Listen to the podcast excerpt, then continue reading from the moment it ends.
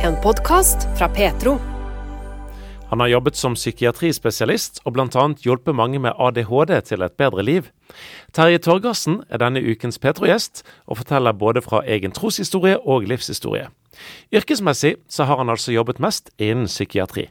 Ja da, det har jeg. Og så har jeg jobbet som eh, spesialist i psykiatri og overlege ved Drammen psykiatriske senter mesteparten av tiden som jeg har vært eh, spesialist i psykiatri. Og jeg har også jobbet mye med rus, i tillegg til traumer og PTSD osv. Det har vært veldig spennende. Også før det så var jeg allmennpraktiker i over 20 år. Og eh, holdt på å bli helt utbrent. Og så var kanskje min yngste datter fire år og kom på venteværelset på legesenteret og sa eh, 'Pappaen min, han skal slutte'. Så det kom noen forskremte pasienter da, inn til meg sånn etter at jeg hadde spist. og 'Torgersen, skal du slutte?' 'Nei, det vet ikke jeg noe om. Hvor har du det fra?' 'Jo, din datter har sagt at du skal slutte'. Så da jeg kom hjem til en sedvanlig sen middag, da, så spurte jeg Tine 'Har du sagt at jeg skal slutte på legesenteret?' 'Ja'. Ja, men uh, hvorfor har du sagt det, da? Jo, du skal være hjemme og kose med meg. Så hun traff jo et ganske ømt punkt, da. For jeg jobbet veldig mye. Og jeg holdt på å bli utbrent. Og så fant jeg ut etter hvert så jeg må kutte ut dette med allmennpraksis. Og så begynte jeg da med psykiatri og ble psykiater. Og så har jeg jobbet som overlege etter det. Og det har du jobbet med i ganske mange år nå, da? Ja da, det har jeg jobbet med i veldig mange år. og vært rådgivende lege for LAR, altså legemiddelassistert eh, rehabilitering. Eh, de ville jo ikke slippe meg da jeg var 70 år eh, i Drammen, så jeg har jobbet da flere år så etter det.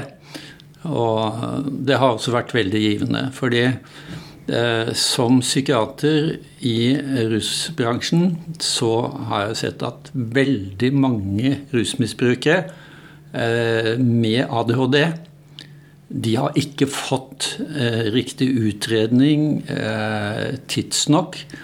Og det har gjort at de, eh, risikoen for å bli rusmisbruker er betydelig forhøyet. Men når vi først får behandlet dem, så er muligheten for at de kan bli rusfrie, veldig store. Og jeg drev og jobbet på en hytte på Vestlandet, og så ring, fikk jeg en melding fra avdelingssjefen. Terje, du har vel ikke mye tid til å eh, følge med på Lindmo, men jeg vil bare fortelle deg at pasient NN eh, var på Lindmo og fortalte at eh, han hadde vært 30 år på gata. Men så kom han til overlegen i Drammen, og så hadde han fått riktig diagnose og riktig eh, behandling, så nå var han rusfri. Og sånne historier er jo veldig morsomme og veldig oppmuntrende å høre. Ja, Det er jo ganske sterkt altså, å tenke på at de lider uforskyldt, mange med ADHD, fordi at de ikke har, som du sa i sted, fått den hjelpen de skulle hatt. Ja. ja. Nei, altså det er en uh, tragedie at ikke flere blir uh, fanget opp tidlig nok eh, og få riktig behandling, for da kunne de fått et helt annet liv. Men så hører jeg fra andre, da, når vi har fått utredet dem og startet behandling Terje, jeg har fått et nytt liv. Jeg har fått et nytt liv. Det er, jeg kjenner meg ikke selv igjen. Eh, mange slike historier. Og det gjør det jo veldig gøy da, å jobbe med disse. Du har jobbet både som, som eh, psykiater, overlege, alt og innen traume, traumer. Ja. Men livet har jo ikke bare fart fint med deg heller. Du har jo hatt dine traumer, du òg. Ja, bare for å nevne kort. Altså, min verste opplevelse var jo da jeg mistet eh, kontakten med mine barn, som jeg elsket over alt på denne jord, i forbindelse med en skilsmisse. Så det har vært veldig vanskelig. Det har vært en lang prosess eh, sånn underveis med masse detaljer, masse dramatikk. Så jeg hadde masse støtte, og det er vel kanskje litt av eh, årsaken til at jeg overlevde dette her. For det var knalltøft. Men hvordan Altså, du overlevde, men Gud oppi det hele, var du bitter på han, sint på han, at dette kunne skje, at du Eller tanker? Ja, du vet, Når man er i en sånn situasjon, så svinger jo humøret veldig sånn, ikke minst nedover. Men du vet, det som er en stor risiko sånn generelt, det er jo hvis personer som har opplevd veldig tøffe ting, setter seg ned og eh, anklager da Gud. Hvorfor har Gud latt dette skje? Og så går du inn i en sånn offerrolle. Da kommer du ikke videre. Og eh, for meg har jo dette med troen blitt viktigere og viktigere. Og etter hvert som jeg har lest mer og mer, eh, så er det så tindrende klart for meg at det eh, Bibelen da har å tilby oss mennesker, det er helt livsnødvendig. Og jeg tenker for meg altså Hvis man ikke har den kristne forankringen, da er livet egentlig ganske meningsløst. Så det er først med den dimensjonen at uh, livet egentlig da kan bli ganske ålreit allikevel. Og jeg har jo eh, en datter fra ekteskap nummer to som jeg har veldig god kontakt med. To herlige barnebarn som jeg har mye kontakt med. Eh, så jeg har eh, masse velsignelser rundt meg. Jeg har det ganske bra nå, og nå er jeg blitt pensjonist for ikke så mange år siden. så nå kan jeg drive med litt andre ting som jeg ikke har fått tid til tidligere. Og det, det er en del spennende utfordringer. Mm. Ja. Kanskje du kan få være til god hjelp for mange andre mennesker med at du har gjennomlevet såpass tøffe ting sjøl, som gjerne ellers ikke hadde fått den hjelpen som du kan gi. Ja. ja. Eh, jeg har fått veldig mange tilbakemeldinger på det at eh, når eh, pasienter har kommet med sine traumer, og jeg har funnet det riktig at jeg kan bare fortelle bitte litt om det. At jeg har vært borti samme problematikk. Så føler de det som en veldig trygghet. Jeg forstår dem. Jeg kan leve meg inn i deres situasjon. Og veldig mange har gitt tilbakemelding på at det har vært en styrke for dem å vite mitt ståsted. Og også dette med min kristne bakgrunn. Jeg hadde en pasient som eh, hadde noen svære traumer, men han fra, kom fra Afrika. Eh, og, eh, men han hadde beholdt kristentroen.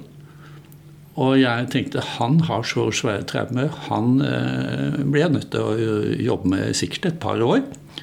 Men så begynte vi faktisk i den andre enden, ikke i psykiatrien, ikke med traumen, men vi begynte å snakke om eh, den kristne tro og utfordringer rundt det. Og i løpet av tre-fire konsultasjoner så var han kvitt sin PTSD. Den som da egentlig krevde lang tidsbehandling, uten at vi hadde begynt å jobbe med selve lidelsen, så var han blitt kvitt sine symptomer. Og det er veldig spennende. Takk for at du lytter til denne podkasten fra Petro. Liker du det du hører, setter vi pris på om du tipser andre om radiosendinger og podkaster fra Petro. Du finner oss på DAB, og både radiosendinger og podkaster er tilgjengelige i Petro-appen, som enkelt lastes ned fra Google Play eller AppStore. Er du vokst opp i et kristent hjem du, Terje? Eh, hva skal jeg si om mine foreldre? Far eh, han eh, gikk av og til i Høvik kirke, men han orket ikke liksom få med seg hele gudstjenesten, så han kom litt seint, sånn at han akkurat eh, rakk eh, prekenen. Eh, og mor var vel heller ikke så veldig aktiv, sånn at Vel, altså Jeg ble jo konfirmert i Høvik kirke, som vi sognet til.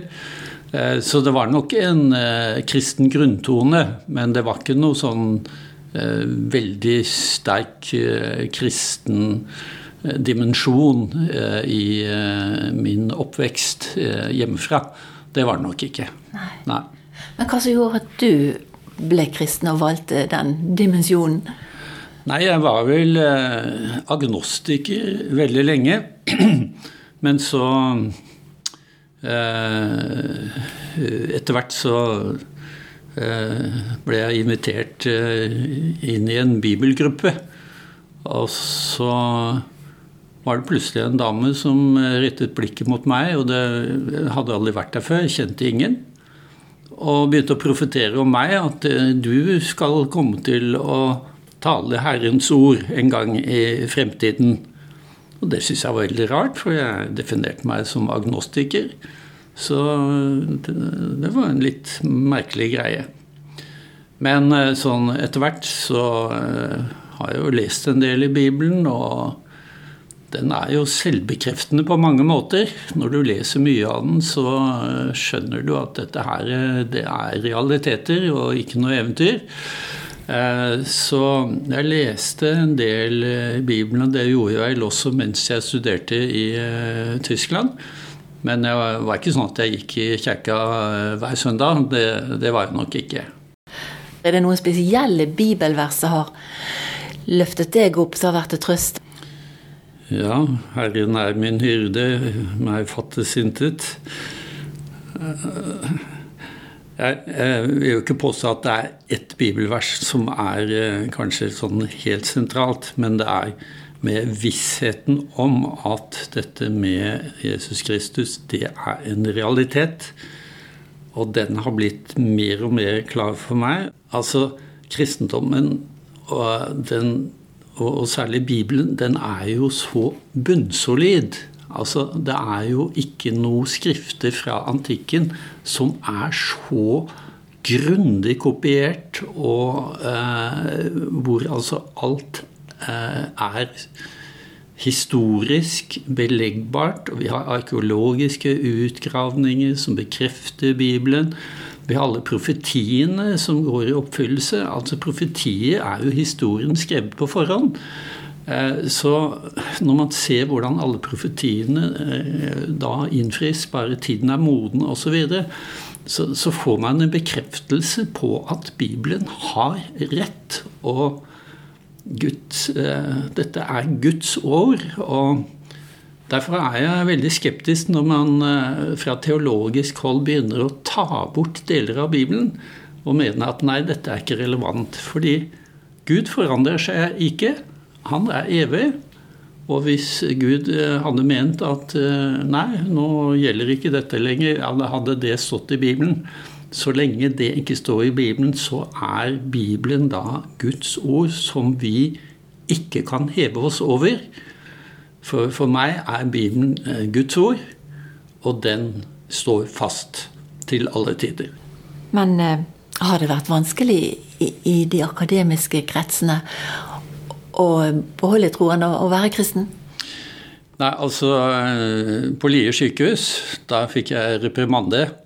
Terje, du får ikke lov til å si til pasientene at du har en kristen overbevisning.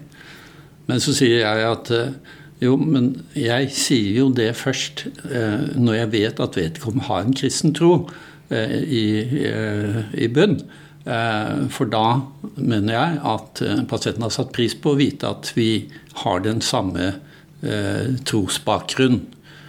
Ja, men har du tenkt på det, da, Terje, at uh, sånn, så sitter da en pasient som er kristen, og som du har delt dette med, på dagligstuen, og så har du andre pasienter som ikke er troende. Og så blir det et problem i forhold til mellom disse ikke-troende og deg som lege. Så dette får du ikke lov til. Ja. Så jeg spurte sjefen uh, for sykehuset, avdelingsoverlegen, jeg fikk ikke noe støtte der. Nei, og da øh, gjorde jeg det faktisk sånn da jeg begynte å jobbe på DPS, at øh, jeg spør ikke noen, jeg. Og da er det bare én til én, ikke sant. Og da eh, er det mange av mine pasienter som har sagt at ja, Terje, vi er veldig glad for at du fortalte hvilken eh, trosbakgrunn du hadde. Det vi, har vi satt stor pris på. Mm. Men da, da, var det jo ingen som kunne sladre, ikke sant. Så det, det gikk jo helt utmerket. Og mine sjefer har alltid vært veldig fornøyd med meg. Så da har ikke det vært noe problem. Heldigvis. På spørsmål om Terje mener det er noe motsetningsforhold mellom vitenskap og tro, så svarer han. Nei, altså eh, hvis vi bare tar eh, nobelprisvinnerne, eh, mellom år 1900 og år 2000. Så over 60% av disse nobelprisvinnerne de har da hatt en gudstro. Høyest har eh, de som får, eh, har fått fredspriser, de har ligget på 78,3% kjemi 72,5 og fysikk 65,3 eh, så, og de store vitenskapelige pionerene, Galileo, Kepler, Pascal, Boyle, Newton og Faraday, de var kristne. Sånn at eh, hvis det hadde vært en motsetning mellom vitenskap og tro. Da hadde man ikke hatt nobelprisvinnere og eh, pionerer, vitenskapelige pionerer som var da, i det siste tilfellet da kristne. Sånn at uh, dette er en bløff fra uh, humanetikersiden. At uh, liksom vitenskap og teori at det ikke skulle kunne la seg forene. Fordi det er ikke noe motsetningsforhold og det har eh, en vitenskapshistoriker, Colin Russell, eh, sagt veldig klart fra at det er ikke noe motsetningsforhold. Det er helt absurd å påstå at det har vært noen motsetning mellom vitenskap og tro. Så har jeg vel hatt eh, en sånn eh, idé om at eh, det å kanskje virke på en eller annen måte i, i Afrika det, det, det, var jeg litt åpen for. Og jeg besøkte Heidom Lutheran Hospital. Eh, og var der eh, en kort periode som gjest. Men fant ut nei, dette var ikke noe for meg. Og så syns jeg de snakket altfor vanskelig engelsk til å forstå. Og jeg er ikke veldig god i engelsk. Så jeg skrinla dette her med å gjøre noe i, i eh, Afrika i utgangspunktet. Men eh, så eh, da i juni 2017 så er jeg på et møte i eh, en gruppe som kaller seg Kristen Fellesskap for menn. Og da er det pastor Israel Sekamatte fra Kampala, Uganda, som taler. Og så Eh, når han er ferdig, sier han nå skal dere ta med dere eh, sidemannen deres og spre dere i lokalet og be for hverandre. Så jeg tok med meg sidemannen eh, min og, og fant en veldig rolig hjørne innerst i lokalet og begynte å prate med han. Og så kommer forsyner meg denne her pastoren etter meg, som jeg aldri har truffet før. Og peker på meg og sier 'jeg må snakke med deg'. Det er ikke jeg, hvor, Hvorfor i all verden skal han snakke med meg? Ja, ja. Så jeg måtte pent bli med han, da. Og så, ja, så spurte han hva jeg var opptatt av, og så nevner jeg det at jeg har undervist en del om endetiden eh, flere steder, men det har ikke blitt noe brann av etterspørsel. You shall come to Uganda and preach. For han skremte jo vettet av meg. Og så sier jeg nei, nei, det, det går ikke. Jeg er altfor dårlig i engelsk. Nei, det blåste han av. Det trodde han ikke noe på. Har du powerpoint? Ja, jeg har powerpoint. You shall come. Så tenkte jeg har han en ledelse for dette, eller er det noe han finner på sjøl? Og så ja. Så tenkte jeg etter hvert jo, ok, jeg skal komme i januar. Så resultatet av det eh, ble et tredagers seminar for pastorer og menighetsledere i Bodaka, ikke så langt fra eh, grensen mot Kenya. Og vi ante ikke hvor mange som ville komme. Og når vi kommer opp til det lokalet, så er det smekkfullt i denne veldig enkle kirken. Og Israel Sekamate, han pastoren som organiserte dette, regnet med at det var ca. 300. Og de sang og jublet osv. Og, så og jeg var ganske nervøs. Hvordan kommer dette her til å gå?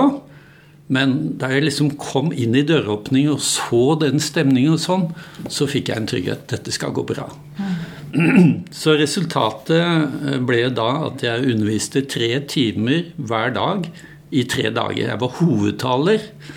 Og det var da endetidsproblematikken som var eh, mitt tema. Så da fikk jeg en ilddåp, og jeg med min dårlige engelsk jeg gjorde meg tydeligvis godt forstått. Så biskopen var eh, fyr og flamme og hadde store visjoner for min videre tjeneste. Så Og jeg har fått stadig forespørsel nå kommer du tilbake. Du må komme tilbake og undervise med. Så det har vært veldig spennende.